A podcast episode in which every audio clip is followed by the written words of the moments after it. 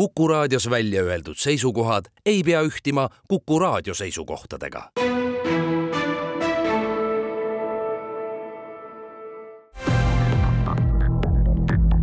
krimiraadio, Krimiraadio tere taas, on reede ning eetris on Krimiraadio. stuudios on ajakirjanikud Raul Ranne ja Karel Reisenbuk ja nagu sellel hooajal ikka, on saate alaliseks eksperdiks endine politseijuht, poliitikakirjamees Andres Anvelt, kes viimasel ajal jagab oma rikkalikke kogemusi eraäris. Andres, kui ma ütlen, et tänase saate peategelasteks on eluaegsed vangid, siis mis emotsioonid või ka mälestused sulle esimesena pähe kerkivad? ohvrid, keerulised menetlused või ikkagi konkreetsete kurjategijate näod ja teod? ja tere kõigile. Neid emotsioone on erinevaid, sest ka eluaegsete poolt sooritatud kuriteod on erinevad, on olnud väga lihtsad menetlused, kus menetlus iseenesest on võrreldamatult igapäevasem, lihtsalt ohvrite arv on selline traagiline. Ja aga on ka sellised, kus on taust väga emotsionaalne, kus sa tead näiteks kui need mõrvad pole toimunud siis oma mingite kuriteokaaslaste vastu või joomakaaslaste vastu, aga täitsa süütute inimeste vastu või, või isegi öö, oma sugulaste vastu,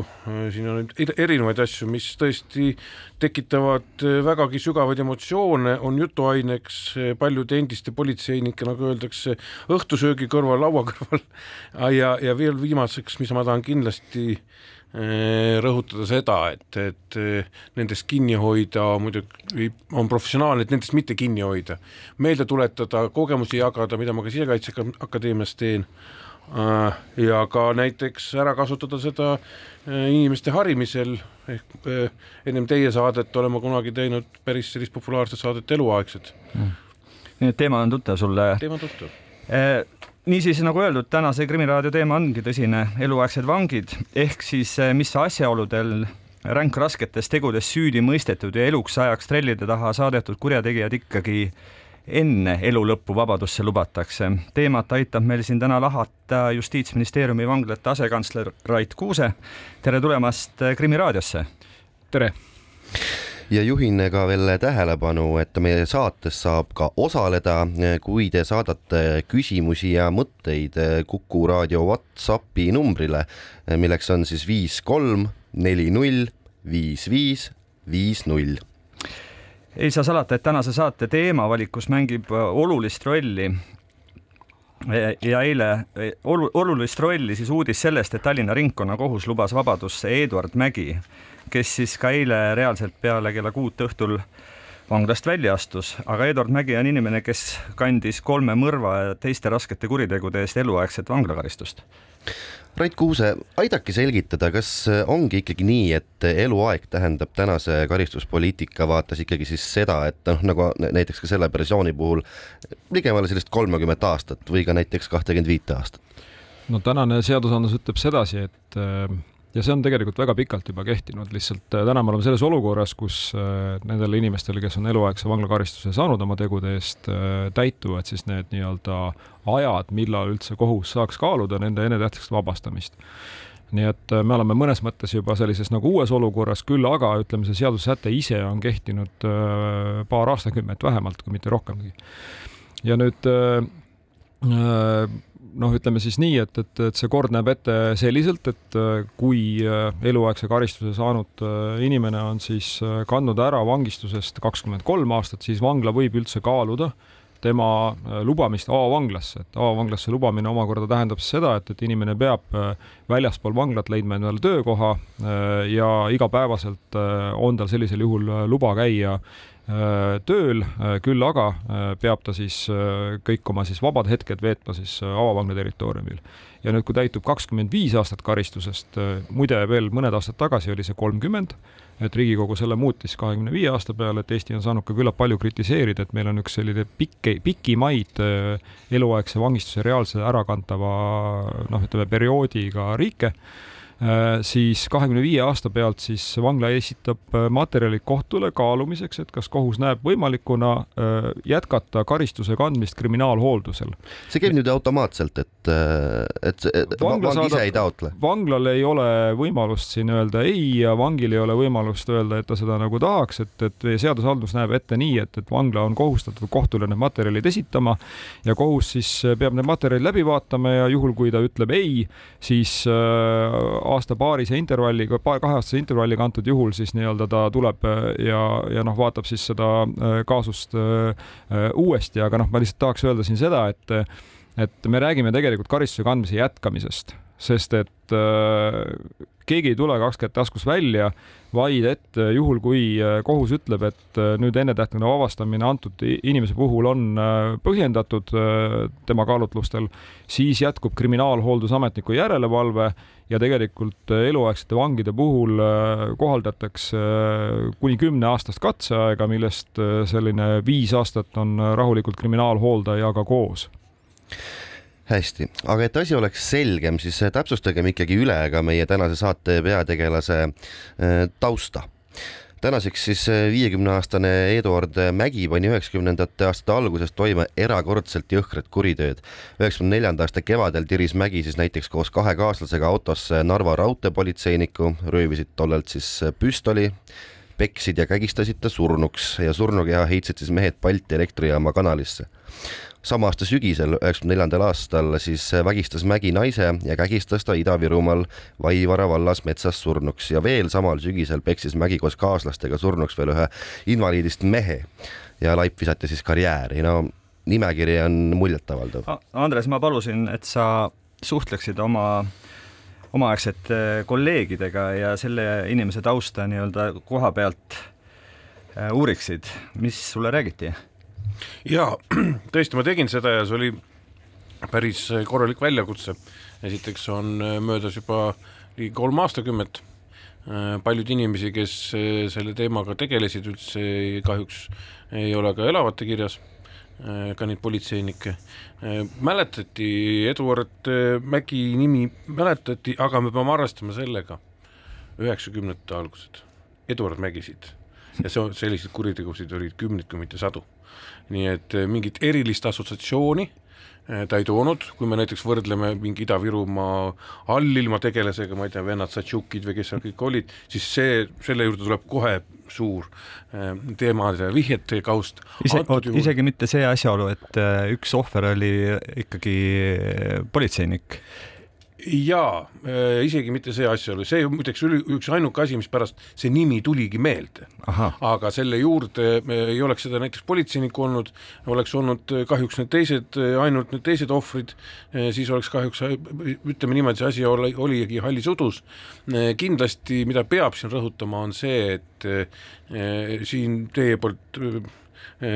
siis Kaareli poolt ette loetud, eks ju, see faabula, no päris nii lihtne see ei olnud, nii palju inimesed mäletasid, et see ka raudteepolitseinikuga need suhted olid natuke teistmoodi ja ja kogu see käekäik, nii et see päris selline lihtne ei ole, aga mis ma tahan öelda, on see, et jällegi üheksakümnendate algus ja Eduard Mägisid oli ruutjuurega või ruutu, ruutu panna see number. Rait Kuuse, oleme ausad, too Eduard Mägi tegi selle napi poole aastaga kõik selleks, et äh, olla ühiskonnast alatiseks kõrvaldatud. ja äh, täpsuse huvides olgu öeldud, et üheksakümne viiendal, siis tuhande üheksasaja üheksakümne viiendal aastal ta mõistetigi, talle mõistetigi surmanuhtlus, mis hiljem asendati küll eluaegse vanglakaristusega. ja nüüd siis on mees viiskümmend, ligemale kolmkümmend aastat on ta karistust kandnud ja, ja eile siis äh, sai vabaks. kas see on ikkagi õige? Kas see on õiglane näiteks ohvrite lähedaste suhtes? no vanglateenistusel tegelikult ei ole siin ähm, pastik hinnata, et, et mis on õige, mis on nagu vale, et, et meie lähtume sellest, et mida siis äh, on otsustatud ja millised otsused peame meie nagu täide viima. nüüd äh, noh, inimlikust vaatest on ju loomulikult siin äh, kaks erinevat võimalikut vaadet vähemalt on ju, üks on siis kannatanute ohvrite vaade, kellel ei lähe see nii-öelda kannatus nagu kunagi meelest ja teine pool on siis äh, see, et äh, ega noh, ka kui vaadata siis selle noh, need kuriteod toime pannud isiku vaatest on ju selles mõttes, et äh, ei lähe ka temal need nii-öelda nagu meeles, ka tema peab nendega nagu nii-öelda edasi elama. nii et noh, põhimõtteliselt noh, kuigi toona mõisteti siis tõesti surmanuhtlus ja see asendati siis surmanuhtlusel oli toona juba kehtestatud moratoorium, viimane surmanuhtlus Eestis viidi täide üheksakümne esimesel aastal ja noh, Eesti siis nii-öelda selline ka ütleme siis lääne äh, integratsiooniga kaasnevad siis inimõiguste printsiibid ja, ja, ja kõik muud sellised nagu põhimõtted äh, noh, eeldavad seda, et, et tegelikult äh, noh, me oma karistusõigussüsteemi reform, reformime selliselt, et ka eluaegsete kinnipeetavate puhul siis noh, on olemas ikkagi mingisugune perspektiiv elada siis nii-öelda nagu vanglast väljas teatud tingimustel mingit aega karistust ära kandes. ja nüüd üteldes seda, et kui Eestis on kakskümmend viis aastat, pead sa vähemalt kinnises vanglas olema, olema või vanglas olema et siis äh, paljudes teistes riikides on see ikkagi äh, palju madalam lävi, et noh, siin soomlased on öelnud seda, et näiteks äh, nende selline no nii-öelda keskmine eluaegne vangistus on seal kuskil kaheteist aasta kanti, on ju, et, et, et noh, et, et, et siis jätkuvad nagu muud meetmed. nii et noh, selles mõttes ütleks niimoodi, et karistuspoliitiliselt ma arvan, et on ta igati kohane selline etapiviisiline nii-öelda lähenemine kurjategijatele, selliste otsuste tegemine, aga noh, inimlikust vaatest kindlasti on need kõik need asjad väga emotsionaalsed rasked nagu nii-öelda nagu harjuda ja taluda ja, ja, ja siin noh, ma saan sellest täiesti nagu aru, et, et ei ole asi sugugi mitte kerge. Ma võib-olla ühe äh, mõttekese Rait Kuuse jutule täienduseks veel, et esiteks äh, nagu ka Rait ütles saate alguses, need on alles esimesed eluaegsed, kes meil siin hakkavad vabanema. et meil on väga raske hinnata siis kriminoloogiliselt nende retsidiivsuse, ütleme protsenti, see, seda peab hindama, kui on mingi arvestuslik mingi kogus inimesi vabanenud, aga mis kindlasti on politseitööst lähtuvalt, ega nendel inimestel nad päris niimoodi kindlasti ei lahustu, kui Eestis toimuvad mingisugused sellised äh, teise käekirjaga uutmoodi kuriteod, siis kindlasti on politsei jaoks need esimesed, nagu öeldakse, targetid, sihtmärgid, kellega hakatakse siis kas või varjatult alguses tööd tegema, nii et, et ega nad äh, kindlasti ei kao ära politsei vaateväljalt. aga teeme siin väikese pausi. krimiraadio, Krimiraadio krimiraadio jätkub, stuudios on ajakirjanikud Raul Ranne ja Karel Reisenbuk ning eksperdina on meil siin stuudios Andres Anvelt. saatekülaliseks on Justiitsministeeriumi vanglate asekantsler Rait Kuuse ning me räägime eluaegsetest vangidest ja nende ennetähtaegsest vabastamisest. ja, ja kordan veel üle, et meie saates saab ka kuulaja osaleda, kui saadab oma küsimused ja mõtted siis Kuku raadio Whatsappi numbrile viis kolm neli null viis viis viis null ja tegelikult on Karl ka meile kirjutanud kirjutab nii, et äh, otseselt ei puutu küll see äh, meie sellisesse teemasse, aga tema vaatab siis ID-kanalit ja seal on mõiste eluaegne ilma vabanemise võimaluseta. Äh, mis on teie arvamus, kas selline asi peaks ka Eestis olema või, või äkki aitate võib-olla selle mõiste lahti selgitada? no võib-olla ise pakun siin ühe asja välja, kuna äh, ma olen Ameerikas õppinud ja, ja, ja see on Ameerika sari, millest härra räägib, siis seal ongi karistussüsteem täitsa teistsugune nii et, et mis ma tahan öelda, on see, et, et äh, Euroopa ruum seda sisuliselt ei tunne, see on ikkagi selline ameerikaliku või ütleme siis äh, õiguse põhimõte, kus võidakse määrata sulle kas või kolm või neli eluaegset, eks ju, ilma vabanemisvõimaluseta, mis me saame aru, et ei ole realistlik. nii et ma arvan, et see meie sellist süsteemi ei sobiks ja oleks, ma arvan, ka liiga koormav äh, iseenesest juba nii et ma jagan seda ka nagu puhtalt äh, siis äh, sellest nagu nii-öelda aspektist, et et noh, ka ütleme, karistamise nii-öelda noh, mõte on noh, ühelt poolt on jah, et, et see, et, et, et seda tegu nagu taunida, on ju, et jätab nagu nii-öelda kättemaksu element kindlasti seal ka, on ju, nii-öelda öelda, et kus need ühiskonnas need piirid ja moraalinormid nagu jooksevad. Aga noh, teine pool on ka nagu see, et, et seal peab olema ka inimesele jäetud siiski mingisugune perspektiiv ja see on selline euroopaliku kultuuriruumi osa, et olgu ta nii kaugel kui nagu tahes, siis äh, nagu võimalus nii-öelda oma äh, käitumisega siis äh, noh, kuidagi paraneda või, või seda paranemist nagu nii-öelda nagu kinnitada, noh, peab kõikidele nagu nii-öelda jääma, et, et, et päris nagu selline noh, ütleme ilma siis nii-öelda igasuguse perspektiivita nii-öelda nagu karistus võib-olla ei ole kõige targem mõte ja ei ole ka kõige mõjusam nende inimeste osas, kes siis oma karistust kandmas näiteks ka vanglas peavad. karistusõigusest ma tahan öelda, et kõige esimene efektiivsus on karistusel siis, kui karistuse ja kuriteo vahel on aeg võimalikult väikene, et on arusaadav, mille eest inimene saab karistada ja, ja äh, see karistuse määramine oleks arusaadav, ütleme, kannatanutele, milles see seisneb ja nii edasi. et see on efektiivne no eks neid süsteeme ongi erinevaid, et äh, minu teada näiteks Hiinas on üldse huvitav, on selline asi nagu surmanuhtlus tingimisi, aga noh, see on, see on juba omaette teema. Läheme edasi, Rait Kuuse, kui palju hetkel Eesti vanglates äh, on eluaegset karistust kandvaid isikuid ja keskmiselt kui pika karistusega nad on? Äh, see on hea küsimus, et, et keskmiselt kui pika karistusega on eluaegsed no kui pikalt on juba et, kinni olnud, jah? Äh, no ütleme niimoodi, et minimaalselt kahekümne viie aastase karistusega on nad kindlasti. aga, aga tegelikult äh, seda keskmist siin välja arvutada on võib-olla küllalt nagu keeruline, noh, ma ütleks niimoodi, et, et selline küllalt tavapärane küllap on nagu see, et, et, et selline kakskümmend seitse aastat ikka nagu nii-öelda sellest karistusest nagu kantakse ära, et, et nüüd tegelikult viimase kahe aasta jooksul kohtud on alles jõudnud nagu sinna, et, et kus nendel inimestel täitub siis see kahekümne viie aastane periood, et üleüldse hakata nagu arutama seda, kas äh, ennetähtsalt kriminaalsametniku järelevalve alla kedagi vabastada või mitte. ja täna neid inimesi äh, vanglas äh, igapäevaselt on kolmkümmend kolm et tegelikult on siis nii, et kriminaalhooldusel on lisaks siis viis endist siis eluaegset vangi, kellel on siis väga pikad katseajad, äh, aasta elektroonilise järelevalve all ja sealt edasi veel kriminaalhoolduse muud tingimused. ja siis peale, kui kriminaalhoolduse järelevalve lõpeb, siis omakorda jätkub selline nagu katseaeg, kus äh, vältel siis, äh, kui toimub mingisugune kõrvalekalle või, või uue kuriteo toimepanemine, siis noh, naastakse siis nii-öelda vanglasse oma endist eluaegset vanglakaristust nagu nii-öelda nagu kandma, nii et ütleme, nad on järelevalve all endiselt. ma muidugi mõistan, et see küsimuse mõte oli natuke teine, ma võib-olla omalt poolt, nagu mina aru sain, saates küsimus, et äh, äh, et kui palju äh, siis neid on istunud, ehk me mõtleme, et me kerime tagasi, et, et, et mis ajastust need pärinevad. no jaa, aga see siin on väga lihtne vastus selles mõttes, et nad jaotavad küll natukene üle aastate onju, aga ütleme siis kõige nagu ütleme vanem nii-öelda karistuse algus jääb sinna aastasse üheksakümmend kaks praegusel hetkel ja kõige siis ütleme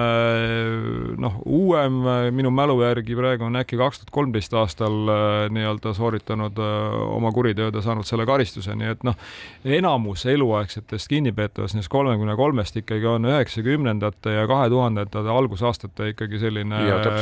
noh, ütleme siis toodang, kui nii võib öelda nagu. tootlikkus oli nagu suurem, aga, aga mis äh, mul praegu jääbki, aga meil Lihula tulistaja, kas tema siis lõppude lõpuks ei jäänud tal ikka eluaegne vist? no teda ei ole enam. jah, teda, seda küll, aga siis määramisel ta ju sai ikkagi tema eluaegse. oli eluaegsete ja. vangide hulgas tõepoolest ja. Äh, ja paraku äh, tema ei ole täna elavat seda kirjas. küll jaa, aga noh, tema, tema oli minu arust viimane, kellel määrati eluaegne. jah, aga noh, teda ja, täna selles mõttes, tema oli viimane tõesti. tõe huvides siis ma olen taustatööd teinud, et tegelikult kaks tuhat seitseteist oli selline mees nagu Enrico Nurm, kes siin Maatrikseid nägi, et tema on minu teada Äh, viimane. jah, äh, küll aga noh, mina räägin täna nagu nii-öelda, kes kannab nagu nii-öelda vanglas oma karistust, on ju, et, et siin on ka selline võimalus, et äh, mõned siis võivad ka vajada sundravi. selge. me oleme siin viimasel ajal kuulnud tegelikult ju jah, päris mitme eluaegse ennetähtaegsest vabanemisest ja kui nüüd siin üles lugeda mõned neist, siis mullu pääses vanglast tapja ja laibatükeldaja Aleksei Pušujev mm., aasta varem mitme inimese tapmise ja raske vigastamise eest kogunisti ligi nelikümmend aastat vanglas istunud Oleg Pjatnitski. kellele see lõpuks ikkagi hea on, et eluks ajaks vangi saadetud kurjategijale on võimalus enne elu lõppu vabadusse pääseda? no siin muidugi on äh, äh hea küsimus jah, et selles mõttes, kellele see hea on, et, et, et ma arvan, et nagu eks ta on hea nagu tegelikult Eesti riigile ja Eesti riigi arengule nagu tervikuna, et me suudame tegelikult ka sellistes äh, olukordades nagu näha nagu äh, võimalust äh, mingiks võib-olla siis noh, jär-, järgmiseks nagu käiguks või nagu lahenduseks, et, et ma arvan, et see on sellise demokraatlikule ühiskonnale hea kui, kui niimoodi tahta nagu öelda, et, et üldse nagu hea on, et ega me kõik ju teame, et, et need teod ja need karistused on noh, väga selgelt noh, olnud ja, ja karistused on olnud nagu põhjendatud,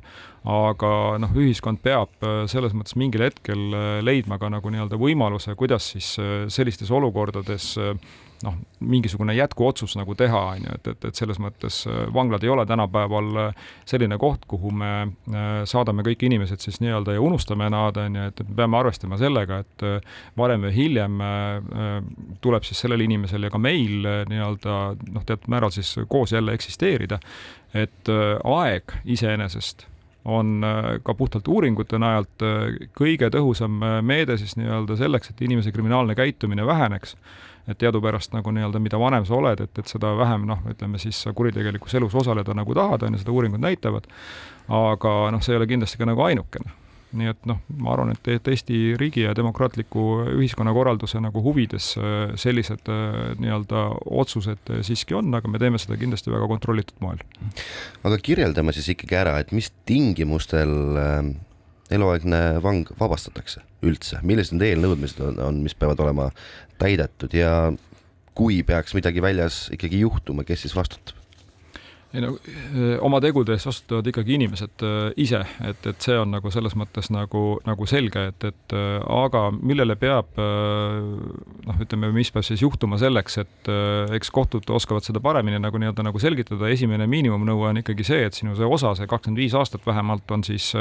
karistusest ära kantud reaalselt vangistuses viibides sinna juurde tulevad tegelikult ka sellised äh, faktorid, et noh, vaadatakse väga tugevalt ka seda, et äh, mida siis vangistuse jooksul sa oled teinud? Milles oled sa osalenud, äh, millised on sinu riskid, millised on sinu ohtlikkuse pilt, nii-öelda, kas sul on olemas distsiplinaarrikkumisi, kas sa oled avavanglasse saanud üldse, selle eelduseks on ka hea käitumine, teatud rehabilitatsiooniprogrammide läbimine ja vangla usk siis sellesse, et, et, et sind võib üldse nagu nii-öelda lasta nii-öelda nagu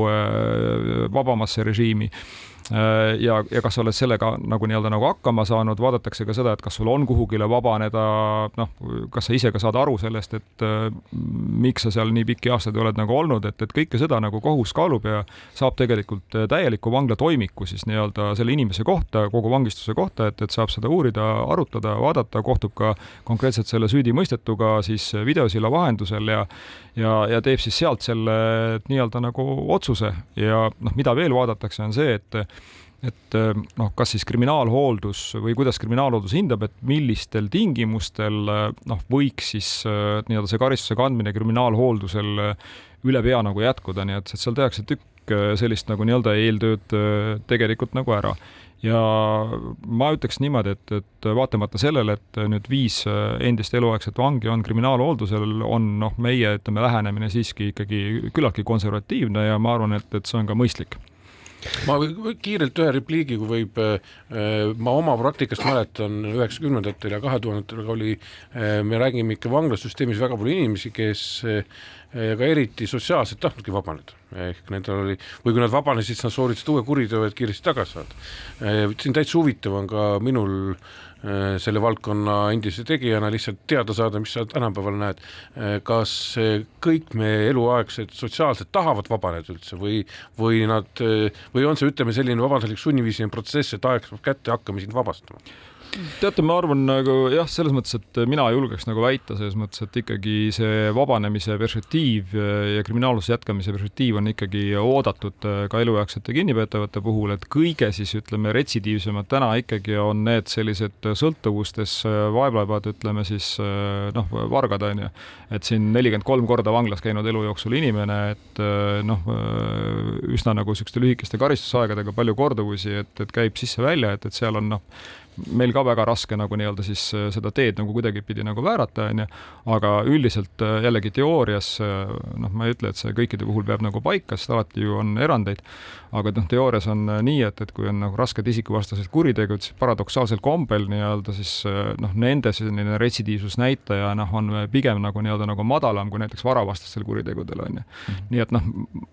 omamoodi paradoks, et, et, et, et tegu on kõige jõledam, on ju, nii-öelda, aga noh, ütleme see tõenäosus selle teo korduvusele on noh, keskmiselt siiski nagu madalam, on ju, et, et samal ajal ütleme, vargus on ju niisugune, võib-olla ei ole nagu midagi sellist nagu erilist nagu tajutuna, on ju, nii-öelda, aga noh, korduvuse tõenäosus on väga kõrge. aga tõmbame hinge ja teeme väikse pausi. krimiraadio, Krimiraadio Krimiraadio jätkub. täna räägime eluaegsetest vangidest ja nende võimalustest enne lõppu vabaneda. stuudios on ajakirjanikud Raul Ranne ning Karel Reisenbuk, eksperdina osaleb Andres Anvelt ning tänaseks külaliseks on Justiitsministeeriumi vanglate asekantsler Rait Kuuse ja veel kord tuletan meelde, et kuulajad, kel on meie külaliste käest soovi midagi küsida või või lihtsalt kaasa lüüa, siis Kuku raadio Whatsapp numbril viis kolm neli null viis viis viiskümmend ootab siis teie mõtteid. Andres, ma panin äh, ühe eluaegse vangi vabada, vaba, vabastamismenetlust jälgides tähele terminit äh, sisemine kurjus. et kas inimesel, äh, kes vaatamata eeskujulikule käitumisele, kõikvõimalike teraapiate koolita-, koolituste läbimist, oli säilinud mingisugune selline kahtlus, et on see sisemine kurjus, tänu millele teda ikkagi veel nagu ei saa välja lasta. Äh, kas, kas sul on kuidagi, kujutad ette, mis asi see võiks olla või? sisemine kurjus, mida ei saa mõõta, ei saa küll kuidagi nagu hinnata, aga samal ajal teda, tema olemasolu nagu tunnetatakse. kindlasti, äh, kui ma võtan oma sellise aktiivse politseiniku aja just üheksakümnendad, kus ma olin siis nagu öeldakse, põllupolitseinik ei olnud ülemuseks ju ja puutusin kokku igapäevaselt eh, kurjakatega, eh, siis eh, inimesed sa ju esimese ülekuulamise või ütleme, vestluse esimese viie kuni kümne minuti jooksul saad aru.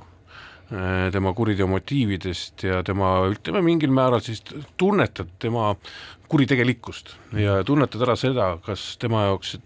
ütleme, see lugu, millest ta räägib sulle, kui ta on üles tunnistanud või sa oled ta tõenditega nurka surunud, eh, siis kuidas ta hindab ise oma tegu ja selle järgi saad aru sellest, et, et kas tal on eh, see sama sisemine kurjus täitsa reaalselt eksisteeriv. Eh, teine võimalus muidugi ka see, et ta mängib ennast hea näitlejana selliseks, et ta nagu kahetseks oma tegu, aga sisemine kurjus on inimese noh, võrreldes ütleme normaalse normaalsete inimestega, siis see on minu meelest tema elufilosoofia, äh, see on noh, mingi määr, mingil määral ta sotsiopaat, et ta, et ta on ühiskonna reeglite ja põhimõtete vastu. ehk siis, et on inimesi, kellel on ja jääb see sisemine kurjus sisse ja noh, nii lihtsalt öeldes maniak, mõnda maniakki ei ole võimalik päästa ei mingi karistuse ega me, muu meetodiga. ja, ja ma arvan, et iseenesest on sul õigus muidugi selles mõttes, et et enamus inimesi, nii nagu ka siin äh, Rait Kuus väga õieti ütles, et vanus on, eks aeg on see, mis ju muudab inimese kuritegelikku käitumist ja ma arvan, kellel on ka sisemine kurjus, inimene lihtsalt muutub vanemaks, muutub lasemaks, ükskõiksemaks ka ütleme selle kurjuse vastu võib-olla, aga äh, tal jääb ka ikkagi elu põhimõtteks, ikkagi äh, olen ka näinud oma elus praktika jooksul äh,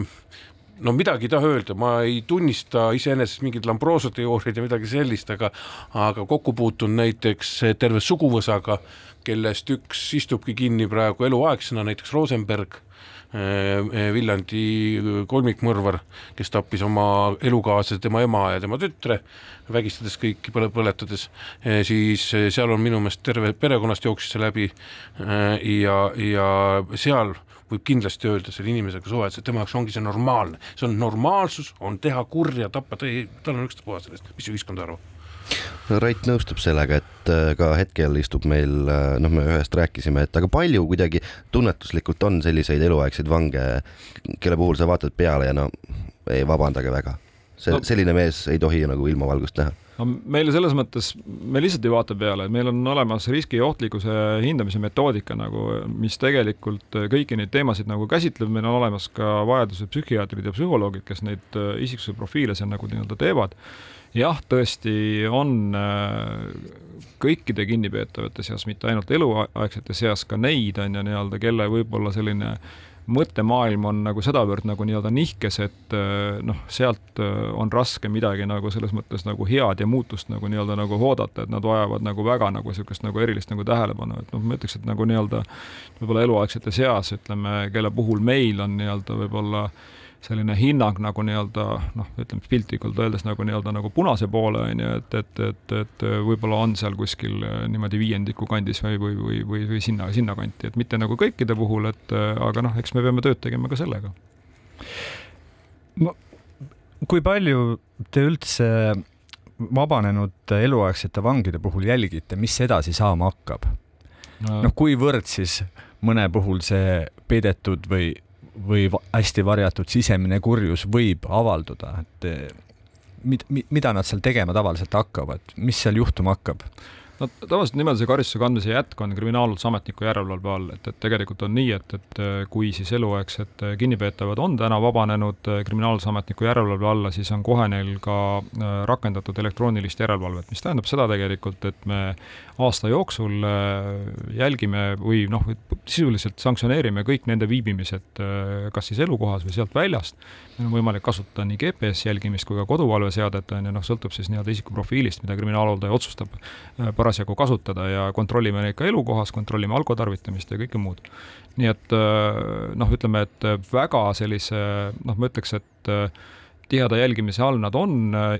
kuni siis nii-öelda regulaarsete kohtumistega kriminaalhaldusametniku juures see töö nagu käib, nii et see töö on nagu noh, küllalt nagu tihe, küll vähem intensiivsem tõesti, kui see on siis nii-öelda nagu vangistuse jooksul. Kui ta neid nüüd, äh, neid tingimisi, tingimusi rikub, äh,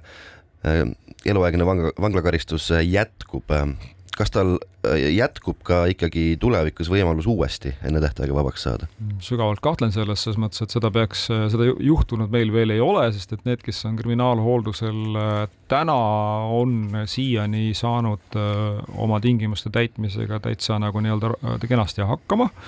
nüüd äh, kohus peab siis eraldi nagu otsustama esiteks selle, et, et äh, mis selle rikkumisega nagu teha, et meie viime siis kriminaalsusametniku kaudu kõik rikkumised kohtu ette arutada ja kohus teeb oma otsuse. ma küll ütleks nii, et, et jah, neil see võimalus teoorias äh, võiks ju olla uuesti taotleda või, või siis ta arutada nii-öelda tema ennetähtsast vabastamist, aga ma kahtlen sügavalt, et et see praktikas nagu väga lihtsasti nüüd enam juhtuda saab, sest et eh, noh, tegelikult nende puhul on siis ärakantav osa on ikkagi eluaegne, on ju. et, et kui sa ei saa juba siis selle kriminaalhoolduse poolega nagu hakkama, et, et siis äh, on väga raske sealt nagu nii-öelda uuesti saada seda, seda noh, kolmandat siis võimalust, on ju. ma peangi korraks täpsustama, et kas meil on äh, teada mõni juhtum, kus äh, vabanenud, ennetähtaegselt vabanenud eluaegne vang siiski on nüüd juba otsapidi tagasi mingisuguses menetluses? ei ole. selliseid juhtumeid ei ole? hetkel mitte jah, aga see on ka suhteliselt, ütleme siis niimoodi, tuleb siin arvestada sellega, et et need esimesed kriminaalhooldus järelevalve alla suunatud on siin eelmisest aastast, on ju, mis tähendab, see periood ei ole nagu liiga pikk olnud praegusel hetkel, noh, muidugi näha on, et kõik need siis üheksakümnendal, üheksakümnendatel nii-öelda eluaegse vangistuse saanud äh, inimesed, et nende noh, ütleme arutelu siis nende võimaliku kriminaalhooldusele nagu vabastamise kohta nagu on väga aktiivne praegustel aegadel, on ju. et küllap on siin nagu oodata seda, et, et kohus ka mitmel puhul võib siin otsustada veel, et, et kriminaalhooldust kasutada kasutada rohkem. Te mainisite, et ähm, te hindate mm, kurjategija, vabandust, vangi sellist ohtlikkust ähm, ja seal on erinevad tasemed, äkki te selgitate natukene, et millised need tasemed äh, täpselt on no,? me vaatame seal jah, äh, siis rahvusvahelise metoodika järgi vaatame siis seda, et, et esiteks, et äh, kelle suhtes, kui noh, ütleme suure ohtlikkusega käitumist võime me nagu eeldada, et, et noh, et a la, et tuua, tuua näitena, et noh, näiteks, et kas ta on nagu ohtlik oma lähedastele, kas ta on ohtlik näiteks õiguskaitsega tegelevatele inimestele, kas ta on ohtlik lastele siis me hindame seal nagu nii-öelda siis kõike eelnevat ja tema käitumist ja, ja läbitut nii-öelda nagu arvestades siis seda noh, võimalikkust, et, et, et anname mingi prognoosi. Äh, selles osas, selle väga suur roll on muidugi selles, et millise kuriteo sa oled sooritanud, kui palju neid kuritegusid sul on nii-öelda ja ja mis see, mis see nagu nii-öelda nagu korduvus on ja kui, kui võikad need kuriteod on, et noh, sellest lähtuvalt me siis nagu nii-öelda nagu plaanime ja ja noh, olgu siis öeldud nagu, et noh, vangla noh, ütleme teeb ka oma nagu nii-öelda hinnangu selle kohta, et, et kui ennetähtaegne menetlus, ennetähtaegse vabastamise menetlus äh, siis kohtus nagu algab, et, et kas nagu vangla siis noh, pigem nagu arvab, et kriminaalhooldus on abiks või mitte, on ju, siis äh, noh, väga tihti ka näiteks eluaegsete kinnipeetavate puhul vangla seda noh, pigem konservatiivselt ei arva. Et, et küll aga noh, ütleb, et äh, kriminaalhooldaja puhul siis, et, et mis tingimused võiksid kindlasti rakenduda, juhul kui kohus siiski arvab ma lähtuks, küsiks ise, ütleme saates eksperdina ikkagi ma küsin tulenevalt, ole hea, ole hea. tulenevalt, tulenevalt sellest, et asi puudutab ühte minu jutumärkides lemmikkangelast ja, ja isikut, kes eh, minu ütleme professionaalses elus moodustas ühe päris huvitava ajajärgu ja keerulise menetluse ehk Ustimenko. temal on muidugi sinna aega veel üksjagu minna, paar aastat, et kus ta võiks hakata taotlema, aga ma küsin teisest, teisest aspektist ja ma saan aru, et nende viie inimese hulgas vist ei ole. et kui näiteks meil on ju ka äh, Venemaa kodanikke nagu Ustimenko, vist on ka teisi äh, eluaegseid hulgas, ma millegipärast eeldan niimoodi äh,. kas nende puhul kuidas sa lihtsalt vaatad, ütleme perspektiivi, et kas nende puhul, Rait, kas nad, need inimesed peale seda, kui nad isegi saavad nii-öeldakse selle avavangla või, või mingi muu võimaluse kriminaalhoolde alla, kas me jätame nad Eestisse üldse või no,, või? Nemad viiakse Narva sillale nii-öelda ja antakse neile suund kätte. kui teine pool võtab muidugi vastu, aga oma kodanikke nad oma kodanikke nad peavad võtma. aga antud juhul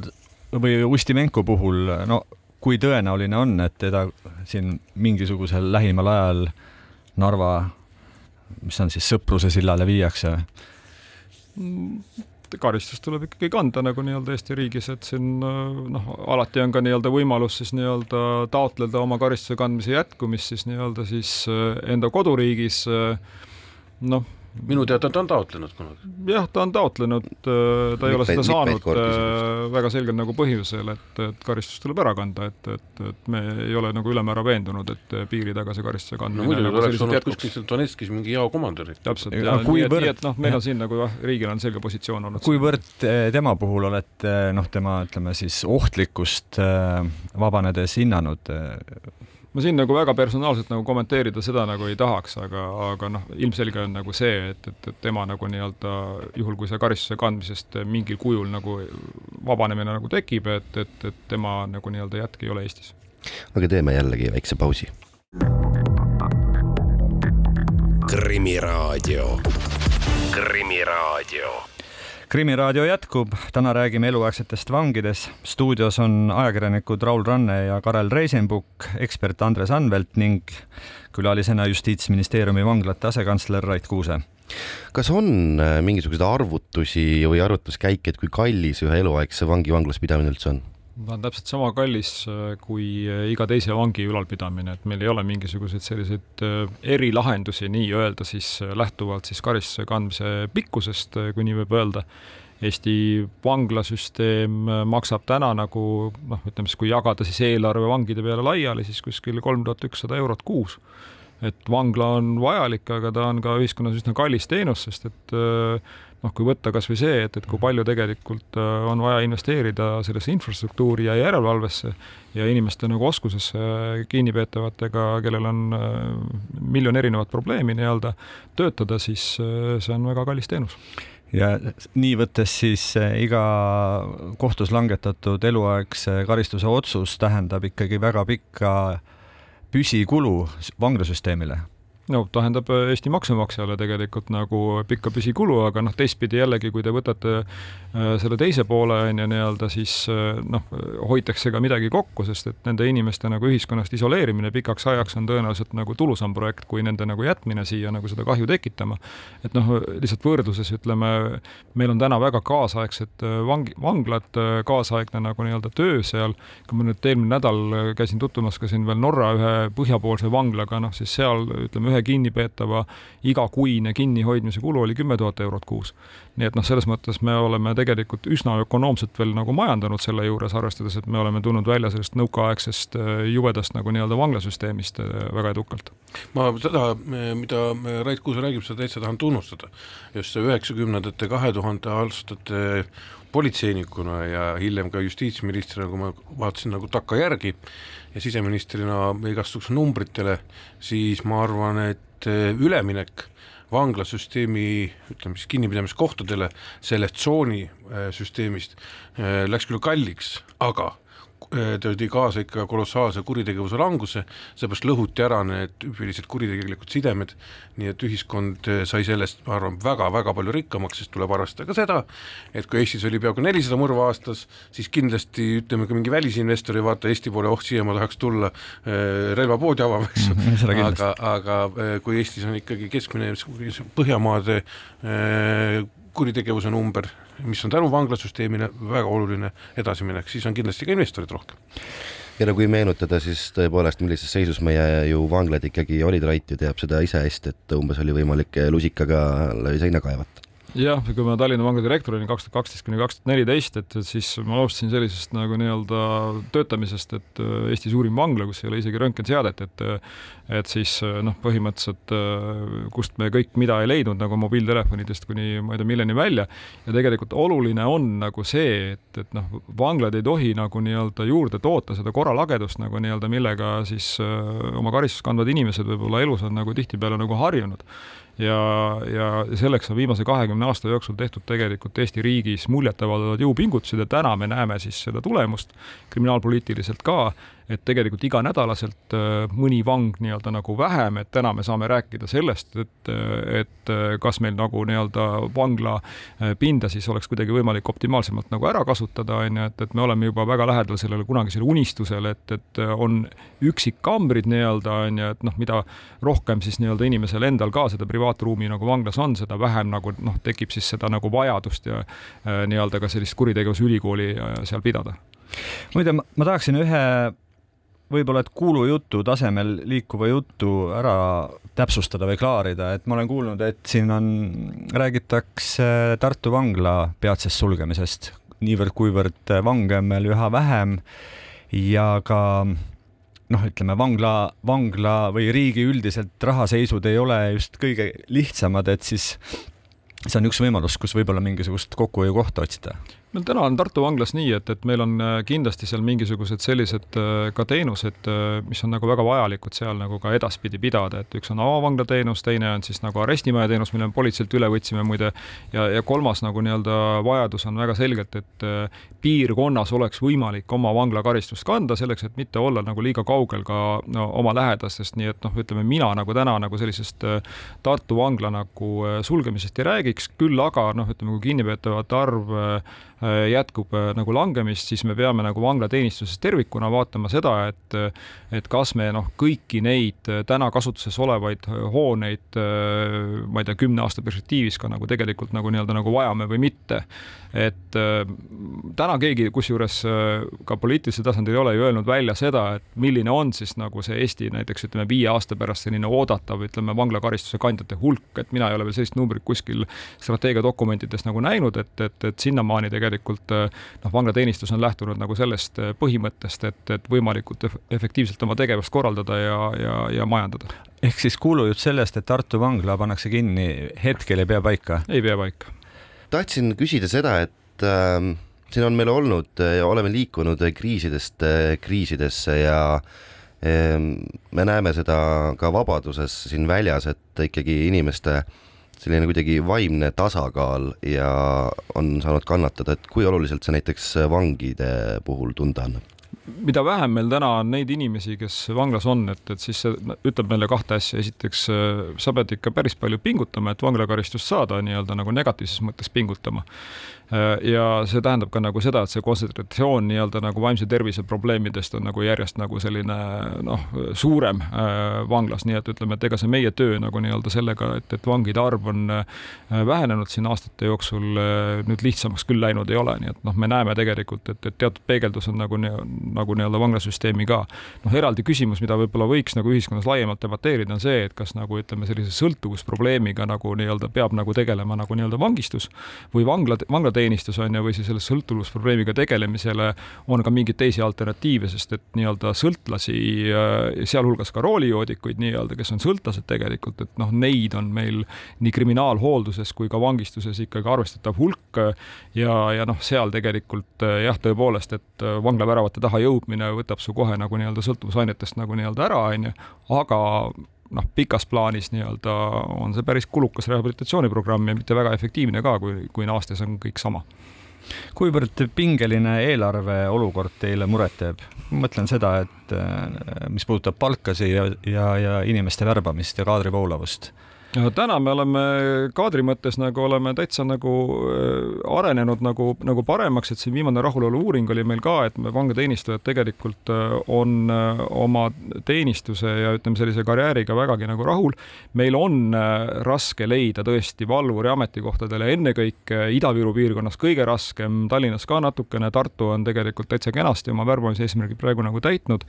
nüüd vaadates nagu järgnevate aastate siis neid eelarve küsimusi, siis läheb läheb muidugi raskeks, sellepärast et lisaraha me ei saa. me siin kogu aeg võrdleme ennast ju ka politseiteenistujate palkadega ja meil on olnud selline noh, alati laual nagu see, et, et me peame vaatama, et kahe süsteemi vahel inimesed liiga palju liikuma ei hakkaks, et, et need palgatingimused peavad olema võrreldavad. täna on see väga hägune perspektiiv meie jaoks, no mis tähendab seda, et noh, ütleme, et kui kuskilt koomale tõmbama hakata, on ju, siis me peame nagu mõtlema selle peale, et et kas järgmisel aastal näiteks äh, see palgasurve muutub nagu meile selliseks, et, et me peame noh, ma ei tea, siis äh, loobuma võib-olla sellest unistusest, et äh, üks vang kambri kohta ja, ja noh, kontsentreeruma neid nagu nii-öelda kolmes asukohas nagu, nagu rohkem kokku ja võib-olla siis püüdma nagu vähemate inimestega siis nii-öelda hakkama saada, et, et, et seda palka nagu sisemiste ressursside arvelt tõsta. kuigi pean ütlema seda, et, et ega neid sisemisi ressursse nüüd meil noh, väga ei ole, nii et, et, et valusaid otsuseid võib-olla peab tegema seetõttu, et, et tegelikult tegelikult palgasurve on suur. aitäh sellega on tänane Krimiraadio läbi, stuudios olid ajakirjanikud Raul Ranne ja Karel Reisenbuk ning ekspert Andres Anvelt. saate külaliseks oli Justiitsministeeriumi vanglate asekantsler Rait Kuuse. täname saatesse tulemast sind. aitäh. ja täname ka kuulajaid ja uued teemad ja uus Krimiraadio on eetris juba järgmisel reedel. krimiraadio, Krimiraadio